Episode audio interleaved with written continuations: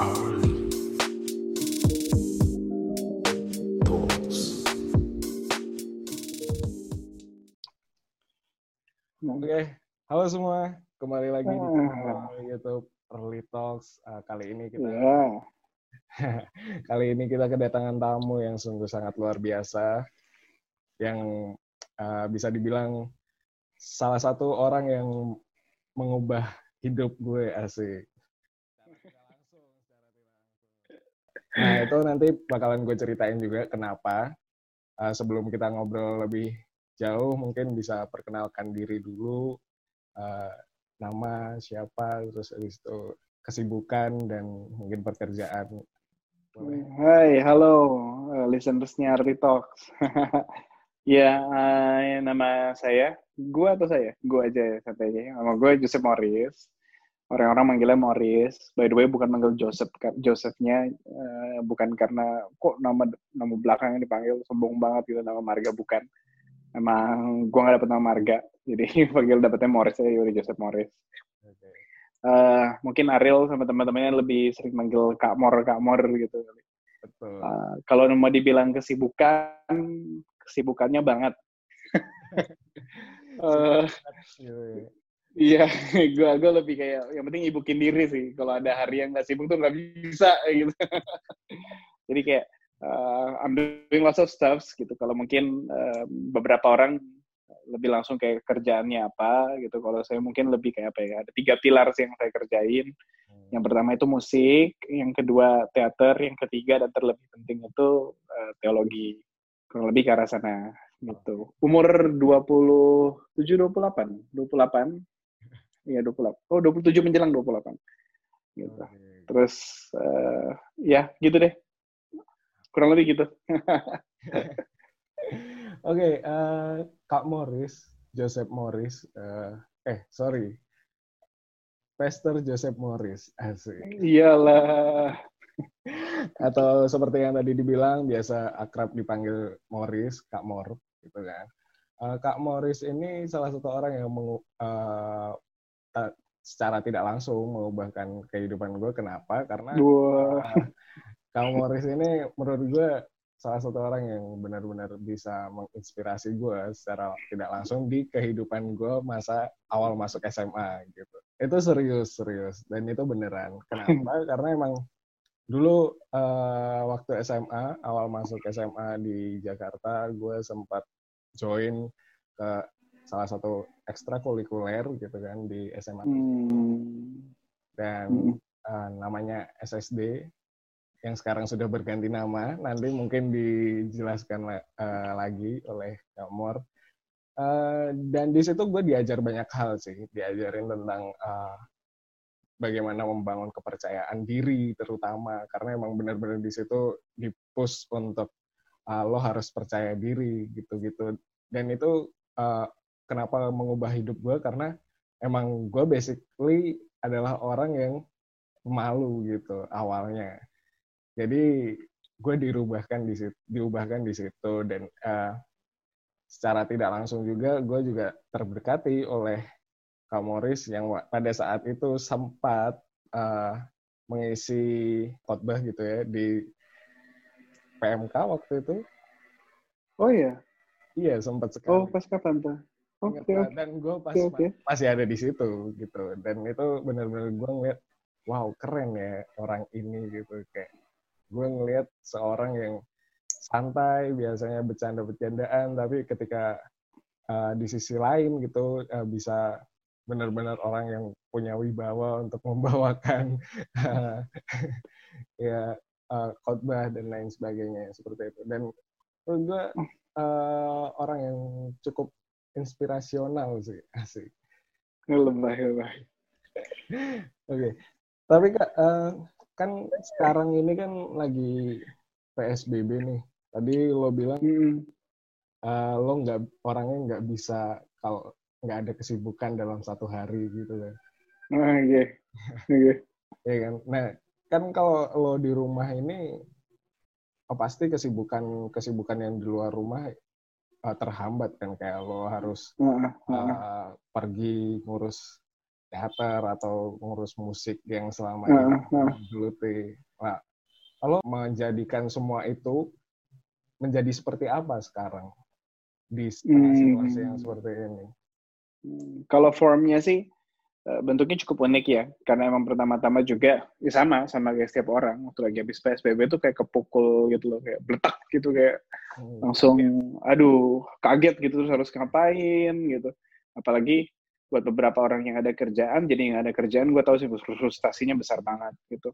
Tapi untungnya sama puji Tuhan tuh eh, gue itu lebih ke bentuk yang eh, apa ya I'm more like freelancing gitu di semua pihak. Walaupun kayak jadwal khotbah juga ada yang jadi di cancel gitu. Jadwal konser besar teater tuh yang harusnya 28 Maret tuh jadi harus di cancel hamin dua minggu. Wah itu frustasi banget sih gitu. Jadi pertama-tama tuh emang sebulan pertama itu recovery dulu sih emang gitu. Recovery dari semua lini dulu. Jadi karena karena gue emang tadi tiga lini yang gue gelutin di situ. Kalau kependetaan, um, puji Tuhannya gereja masih bisa jalan, online service nggak tahu gimana tiba-tiba kayak gue dapet ilham bagus banget gitu kayak just got the wisdom buat bisa bikin tetap bikin online service-nya. Malah justru kalau dalam gereja sih secara teologi gue lebih ini banget, lebih aktif banget gitu. Kenapa? Karena sekarang juga udah mulai bikin uh, podcast slash YouTube juga channel Bible reading gitu. Dan pas di Indonesia kan belum ada tuh Bible reading channel YouTube. Somehow kayak dapat idenya aja buat bikin saat teduh tapi harus baca Alkitab gitu. Kenapa kadang-kadang kan orang saat teduh cuma penyembahan, pujian, boleh sih ada pengalaman pertemuan sama Tuhan tuh harus penting nomor satu. Tapi nggak kalah juga hal yang utama dan hal terutama itu untuk baca Alkitab ya benar-benar kata-kata firman Tuhan yang disampaikan gitu dalam yang kita pegang. Makanya terinspirasi kalau teologi ya kayak gitu. Kalau dari musik jujur agak vakum, paling cuma latihan-latihan doang doang doang aja. Terus habis itu kalau untuk yang uh, teater, wah teater teater lagi paling paling susah recovery-nya. Untuk sekarang sih emang stay low walaupun bikin tetap bikin project. Puji Tuhan juga SMA 78 itu teater yang Ariel kemarin di situ juga. Angkatan berapa sih, Rel? Gue lupa deh. Dua dua tujuh ya. Dua tujuh. Angkatan 27. Oh, angkatan 27. Sekarang angkatan berapa? Angkatan Rex Idam gitu ya? Iya betul. Angkatan Rex. Oh, itu angkatan terbaik gitu. Angkatan angkatan paling fuh, gitu. Pionir. ya kan? Pionir, paling paling nampol, paling nampol. Paling nampol. Kalau nggak salah itu baru produksi eksternal kedua atau ketiga gitu. Iya. Dan akhirnya juga emang masih baru di awal-awal, intinya mereka lah yang bikin, Ariel kenal lah prosesnya gua yang jahat iya, gua yang bijak iya, bingung bingung banget nggak sih gitu.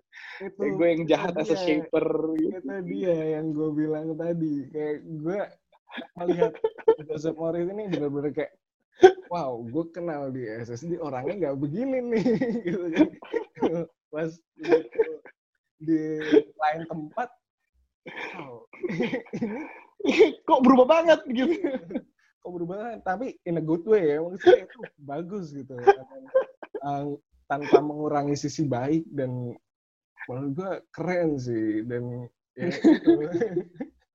Iya dan dan gue juga waktu itu agak agak apa ya kalau mau dibilang pendeta agak-agak liberal ya iya kali ya gitu. Tapi nggak yang liberal sampai ninggalin Tuhan, ninggalin agama juga gitu. Gue lebih kayak apa ya? Ya udah, gue anak Tuhan, gue santai aja gitu. Gue ada di dunia pun ngobrol sama orang yang teman-teman rata-rata di situ. Semua tim pelatih tuh apa ya? Kayaknya cuma dua orang. Gue sama siapa ya yang Kristen? Gue sama doang kali yang Kristen gitu. Uh, Oh kalau di kalau waktu lagi Ariel waktu itu malah nggak ada yang Kristen, gue doang satu-satunya Iya benar-benar. Makanya mm, jadi minoritas, gue yang bisa tahu juga gimana cara interact sama orang. Dan gue emang lebih santai gitu, nggak terlalu suka yang agama yang lebih formalitas. Tapi waktu lagi emang harus ada dalam sebuah ke, ke, ke- apa ya satu per, per, persekutuan yang formal, ya which is gereja, khotbah ya bisa menyesuaikan diri juga gitu. Iya. Cuma kan mungkin mungkin bingung kali jadi Ariel juga ya. Iya, tapi gitu. tapi menurut gue semakin semakin gue bertumbuh ya Gamor Eh, semakin gue bertumbuh dewasa dan gue semakin bertumbuh secara eh, pengetahuan rohani gitu Hmm. cuman Hmm. menurut gue bukannya emang itu yang harus harusnya muncul ya gue rasa emang uh, originalitas dan kontekstualisme itu harus bisa berjalan bersamaan gitu. Di satu sisi juga kita nggak bisa kalau lagi di satu komunitas yang beda terus kita langsung tiba-tiba gue menjadi diri gue sendiri terus kita ngancurin budaya sama cara jalan berjalannya komunitas yang ada nggak bisa separah itu juga. Tapi tetap bisa kan jadi originalitas diri kita sendiri juga gitu. Jadi di keduanya oke okay sih. Somehow kayak gue dapat tuntunan roh kudus aja gitu buat bisa apa namanya bisa gitu loh untuk nggak awkward banget di gereja iya. nggak nggak terlalu bijak berhikmat gimana mana juga di teater gitu. Apalagi kalau habis itu berikutnya musik malamnya live music. Izinkan aku gitu kan. Wah, iya, iya, iya. kacau banget sih di tiga-tiga lininya tuh bisa ekstrim-ekstrim banget juga gitu ya. Lagi kalau bayangin malam-malam izinkan aku orang-orang yang nonton sambil mabuk-mabukan gitu kan. Terus besok paginya gue buat hari Minggu. gitu. Terus orang-orang yang lagi mabok-mabok gitu terus gitu.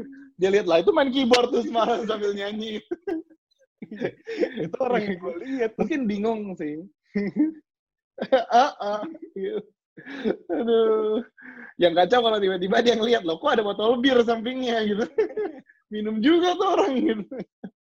Akhirnya orang bingung kan. Hmm. Uh, tapi tapi emang yang kayak gitu gue lihat real apa oh, namanya uh, di apalagi di LA kan sempat di Amerika kan sempat kemarin tiga tahun ya di sana. Iya, gue gue di sana tahun tahun berapa ya? Tahun 2016 sampai 2019. Hmm. Jadi di sana itu gue bisa datang ke live music karena gue emang gak suka klub yang judak-judak gitu ya. Hmm. Bukan karena apa, lebih kayak preference musik aja gue gak suka. Tapi gue datang ke klub musik yang jazz rag gitu loh, jazz hmm. sama ragtime gitu yang orang-orang bisa joget di depannya gitu. Lo kalau pernah nonton La La Land tuh live musicnya kayak gitu deh gitu. Iya benar. Nah, uh, eh, gue suka datang, gue suka kadang-kadang gue ngejam juga sama ada guru trumpeter gue di situ. Hmm. Uh, sempet datang ke sana, terus tiba-tiba dikenalin aja sama semua semua orang pemusik-musik di situ. Eh, ketemu ada satu sekali tuh gitaris, hmm. terus ngobrol, gitu. terus ya normal kalau LA itu nanya what do you do for living, gitu tuh lebih kayak uh, lu ngerjain apa itu nggak nggak nggak offended, nggak will will not offend mereka gitu. Oh, okay. Somehow tiba-tiba langsung bilang, I'm a music pastor gitu. Gue langsung wow gitu. Tapi dia sebelah kirinya ada gin and tonic dong.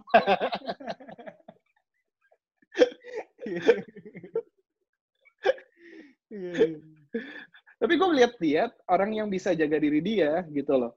Hmm. Yang ya buat di Kristen kan lebih yang lebih emphasisnya kan maboknya yang dosa gitu. Ya. Ada beberapa yang makanya jadi minumnya jangan gitu. Hmm. Nggak langsung minumnya dosa kan minumnya sendiri itu kan ya bahkan kita minum anggur gitu di jamuan. Ang anggurnya yang fermentasi juga most of the time. Tapi lebih kayak apa ya ya udah um, jangan sampai mabok. apa namanya jangan sampai mabok yang bisa jaga diri. Dan itu kan minumnya itu sendiri lebih bentuk budaya kan gitu. Dan mereka juga santai chill dia tahu ya half is enough gitu loh. Okay. gitu. dan dan wah gue kayak kebuka banget. Oh ternyata emang ada gitu. Orang yang bisa relevan ke dalam konteks apa pun, tetap original gitu, tapi bisa berkontekstualisasi juga sama budaya atau komunitas yang dia lagi uh, ada di situ gitu. Itu keren banget sih. Itu keren banget sih. Maksudnya keren banget. Lo lo nggak lo tetap jadi diri lo sendiri gitu nggak sih kamu di mana pun lo berada, tapi tetap menyesuaikan dengan etika aja gitu kan. Mm-hmm, betul betul. Cara cara lo uh, beretika di tempat tersebut, lihat lingkungan juga kan. Gitu. Mm-hmm. Iya, itu seru sih. Tadi ngomongin SSD, ya kan? Uh-uh. SSD. Tadi sampai mana tuh kita ngobrolin SSD tuh? Hmm, SSD. SSD tidak jalan. Iya, jadi uh, lagi nggak jalan. Tapi emang Laylo ada beberapa project-project yang kita tetap jalanin, tetap bikin online uh, apa namanya ada kemarin gue bikin collab sama yang per divisi-divisinya. Jadi yeah. kalau Aldi sutradaranya itu dia bikin anak-anak apa namanya uh, suruh bikin monolog gitu. Hmm. Untuk yang produksinya mereka suruh bikin PR statement, terus mereka kenalin diri mereka gitu kayak self introduction. Gitu. Untuk yang dance-nya mereka coba kayak ya ada TikTok TikTokan gitu. Untuk yang musiknya gue bikin collab ala-alanya Erwin Gutawa sama siapa Indra Lesmana gitu loh yang gue bikin satu ini terus anak-anak sendiri mereka bikin sendiri. Itu cukup fun sih. Tapi yang lebih asik itu ternyata dari pemerintah SMA 78 itu jadi ini, jadi pioner buat nunjukin bahwa kalau mereka nyebutnya EJJ, ekskul jarak jauh gitu.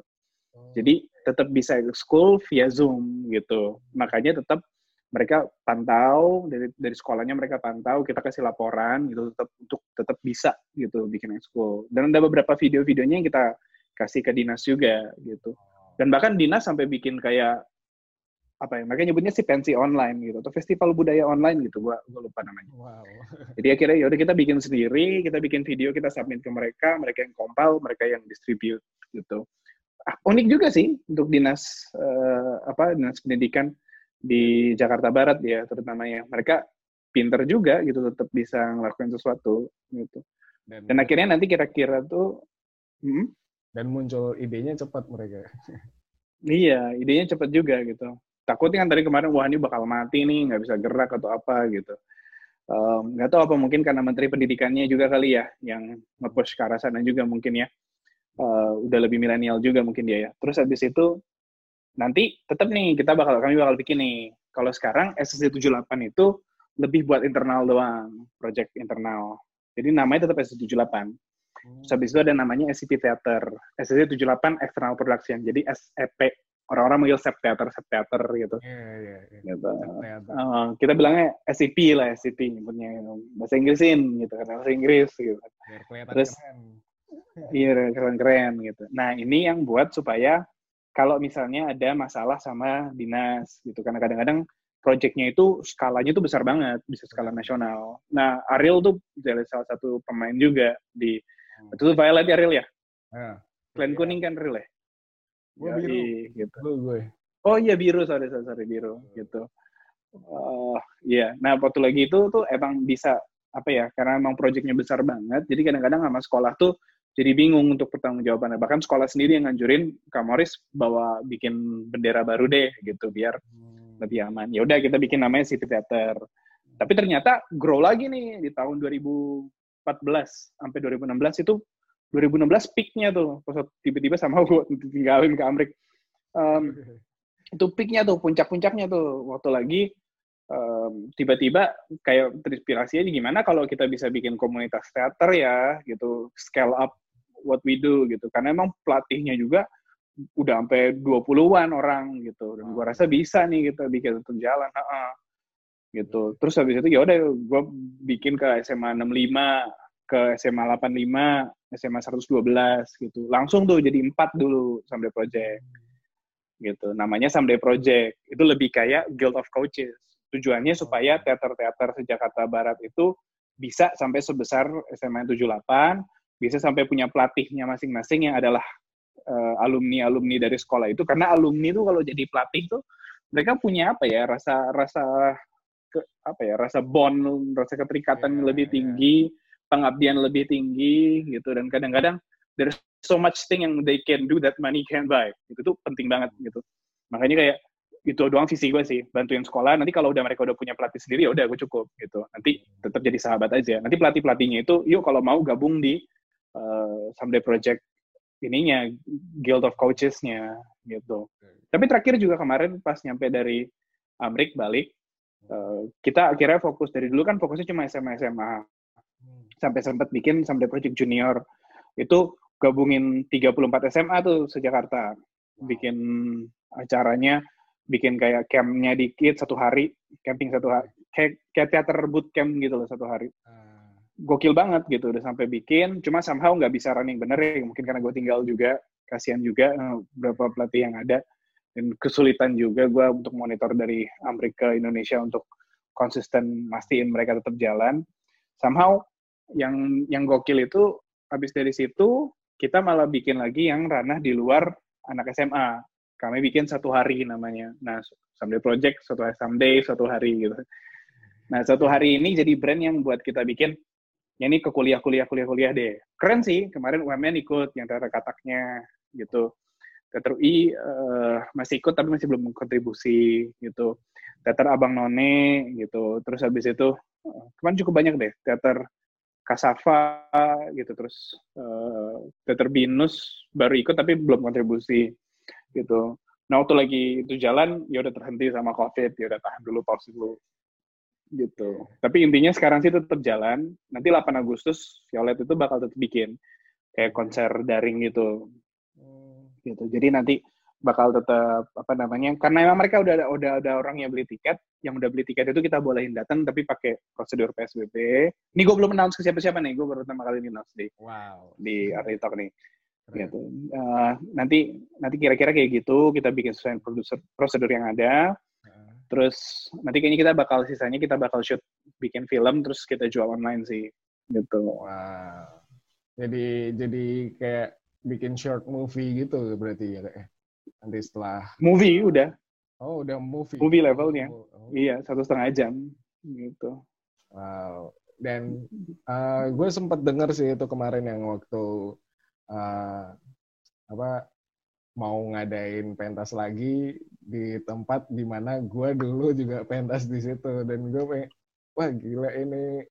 Ada lagi nih gitu kan. Jadi kayak uh, keren sih menurut gue cuman ya itu tadi begitu ada COVID menyerang terus habis itu ah sayang banget gitu. Kayak gue menunggu ada yang upload story atau apa gitu kan. Kalau enggak iya.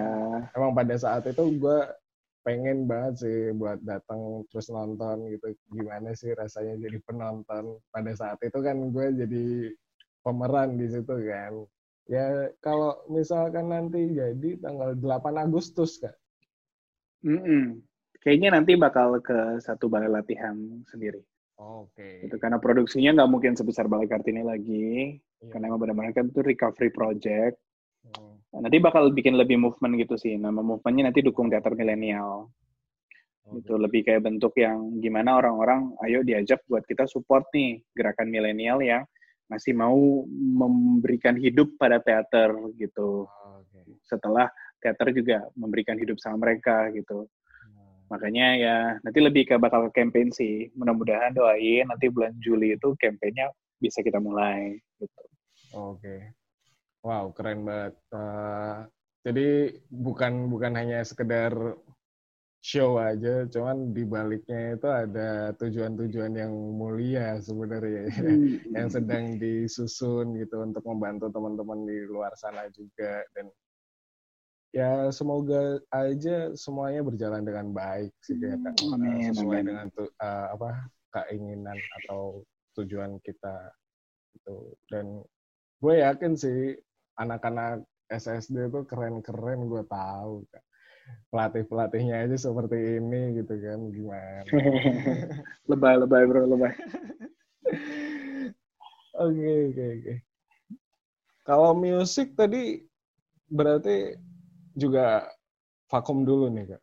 Musik musiknya agak vakum. Paling cuma latihan latihan di rumah doang gitu. oh, okay. belum ada progres.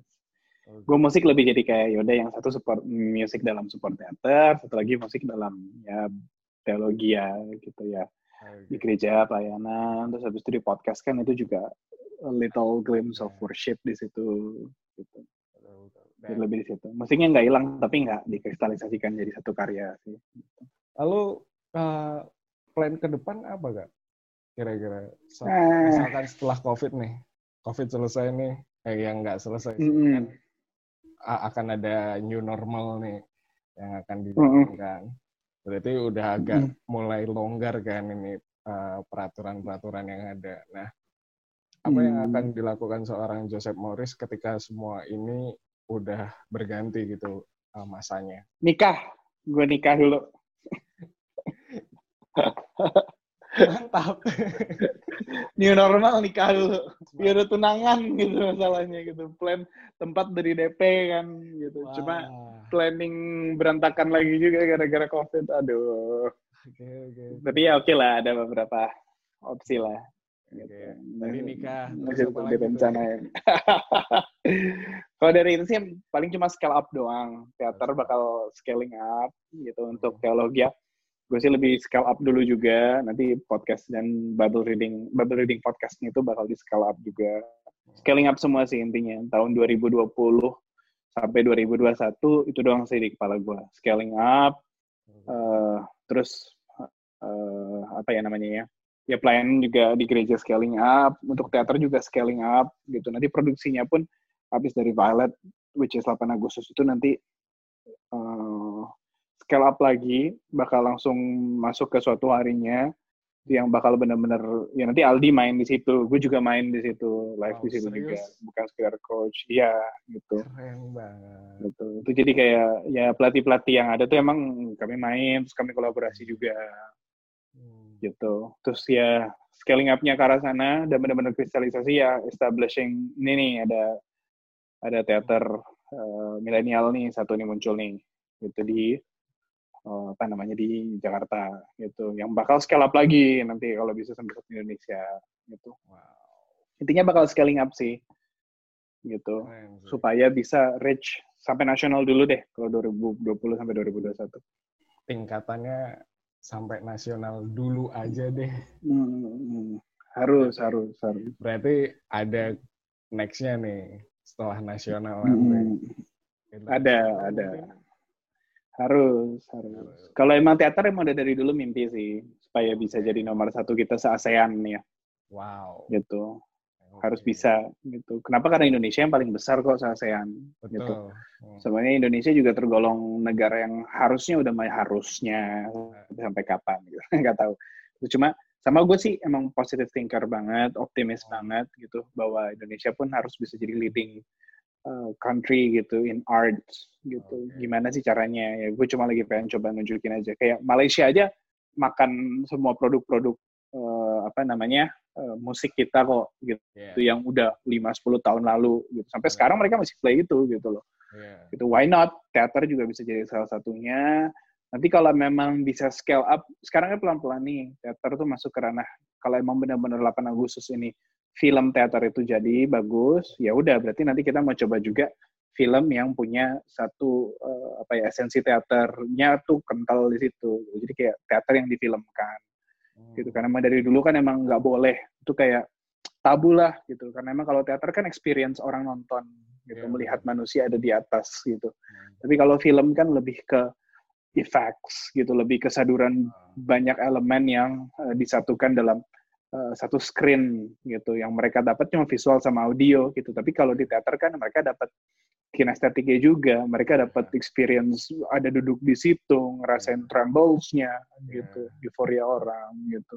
Merasakan atmosfernya juga gitu. Mm -mm, ngerasa atmosfer gitu. Itu itu penting banget sih. Makanya nanti mau coba lihat apa mungkin berhasil 8 Agustus ya kalau bisa ya peranahan gitu. Kita harus ke sana. Karena memang juga teater harus bisa sih dalam apa ya beradaptasi dengan dunia yang ada ya. Kita lihat banget di COVID juga kan orang-orang uh, dengan PSBB ini work from home, especially ini normal, kita juga harus sadar sih itu kayak pukulan besar juga buat kita, buat kita yang terlalu konservatif nggak mau masuk ke dunia digital. Jujur gue di level sini aja, gue masih ngambil waktu buat belajar. Every day itu gue pasti baca satu chapter of a book. Sekarang gue kayak mulai morning routine gitu after jogging pagi-pagi bikin breakfast sendiri, baca kitab doa, tapi juga harus ada baca buku satu, plus uh, gue mastiin dalam satu minggu itu tuh ada dua webinar yang gue ikutin. Gitu. Kenapa webinar? Karena gampang sih aksesnya buat gue. Dan webinar ini benar-benar new skill set yang harus gue dapetin, gitu, which is di terutama di uh, digital media gitu. Kenapa? Karena gue tahu sampai sekarang tuh rasanya kayak digital media evolving terus kan. Gitu. Platform nambah, platform yang udah lama aja berubah cara approach-nya gitu. Yeah like we have to learn something new selalu gitu. Dan yeah. setiap minggu gue udah pastiin dua webinar dua webinar. Kalau nggak ada cari di minggu depan harus sampai tiga gitu. Uh. kenapa emang bener-bener craving for all those knowledge itu penting banget supaya bisa scale up supaya bisa uh, bikin bikin bikin produk yang relevan gitu. Tanpa meninggalkan juga ideologi-ideologi gitu. Karena gue kan orangnya idealis banget ya. Yeah. Gator harus nilai hidup tulus gitu. Yeah. Musik gue nggak mau pop, maunya yang begini yeah. gitu. Harus yeah. bisa berubah nggak ikut-ikutin tren gitu. Jadi ya gimana caranya gitu adding all those values ke media lewat teater gitu, tapi tetap relevan gitu. Oke, jadi setelah uh, PSBB berakhir nanti akan uh, melanjutkan apa yang selama ini tertunda dan scale up tadi ya kak ya. Jadi mm -hmm. kalau ini pesan uh, apa ya pertanyaan atau mungkin uh, pembicaraan atau pembahasan kita yang terakhir ada nggak sih pesan buat teman-teman khususnya anak-anak muda karena emang Kamor kan bergaul dengan anak-anak muda juga. Kalau menurut Kamor, apa yang bisa Kamor sampaikan ke teman-teman yang menonton uh, mengenai cara mereka uh, menghadapi situasi yang saat ini? Gitu? Hmm.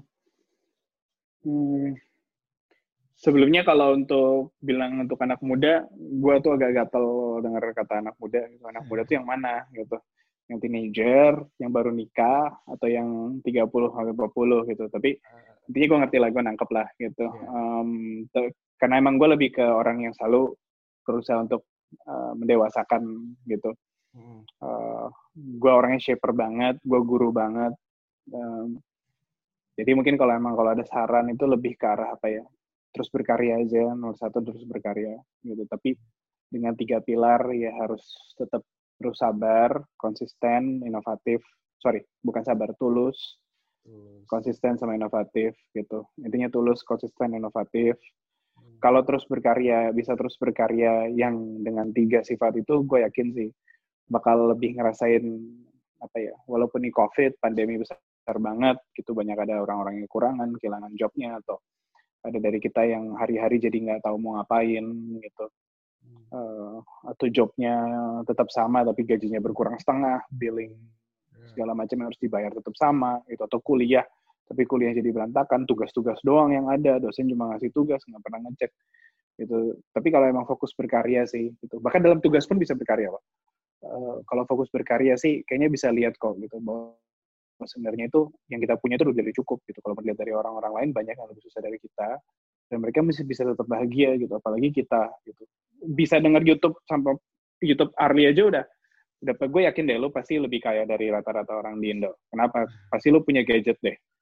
Gitu. Ya, lo pasti benar, benar. makanan masih ada deh di rumah. Gitu. Bisa denger ini aja gue udah yakin deh. Pasti lo ada ada kan. At least walaupun cuma makan nasi sama tahu atau tempe gitu. Kalau lu bisa tetap berkarya, out of nothing kita semua tetap bisa berkarya. Pasti apa ya? Bukan berusaha, nggak usah sok-sok berusaha positif dulu, optimis nanti deh.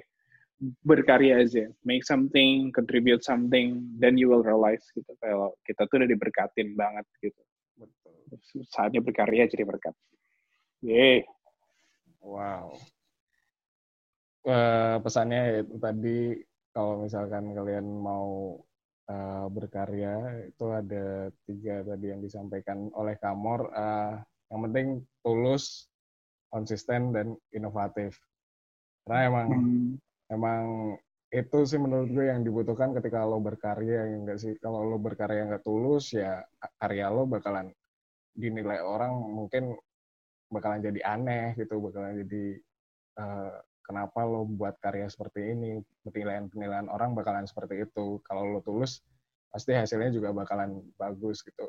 Dan konsisten itu menurut gue juga cukup berat buat dilakukan oleh anak-anak muda terutama karena konsistensi gue ngerasain sendiri sih. Uh, yang namanya konsisten itu emang emang cukup sulit untuk di, di apa ya dilakukan gitu. Kalau kita ngomong konsisten konsisten ya mudah untuk ngomong cuman kadang sulit dilakukan. Gue paham cuman emang emang emang itu yang harus dilakukan gitu. Nah, maka dari itu konsisten itu penting dan inovatif itu juga uh, salah satu nilai yang nggak bisa dikurangi juga karena uh, lo nggak bakalan bisa uh, berkarya tanpa inovasi gitu nggak sih? Seperti itu sih. Oke okay. uh, Thank you banget Kamor udah mau ngobrol-ngobrol di Arli Talks. Uh, thank you banget. Sangat-sangat berterima kasih. Thank you. I'm happy to help. I'm happy to help. Oke, okay, thank you Kamor. Jangan lupa juga buat follow uh, Instagram Kamoris nanti ada di bawah Instagramnya. Terus ada channel YouTube-nya juga uh, Talking hmm. Morris. Talking Morris. Talking Morris. buat teman-teman itu kalau lihat channel YouTube-nya Kak Morris uh, itu adalah renungan-renungan harian yang bisa kalian dengar gitu. Dan ada uh, penjelasannya juga buat kalian yang kurang mengerti. Uh, kalau misalkan kalian kesulitan kadang membaca Alkitab kalian bisa dengerin itu. Itu sangat bagus banget buat teman-teman uh, buat uh, sehari-hari kalian gitu. Uh, terus abis itu ada apa lagi kak sosial media ya Kak Morris ya? Udah itu aja dulu Instagram sama Facebook. Spotify. Iya podcast bisa dilihat juga. Podcast, Spotify, uh, di di semua semua ini podcast lah gitu ada semua Gitu. podcast. Oke, itu nanti ada linknya di bawah ya, teman-teman bisa cek, Thank you, thank you. bisa di Semoga jadi subscribe. berkah.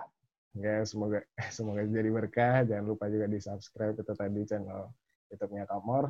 Dan kalau kalian suka sama video ini, kalian bisa like. Kalau nggak suka juga kalian boleh dislike.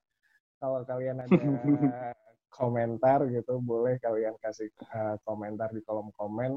Dan jangan lupa juga share. Dan yang paling penting, subscribe channel Early Talks. Oke. Okay. Thank you semua. Bye-bye. Thank you. Bye-bye.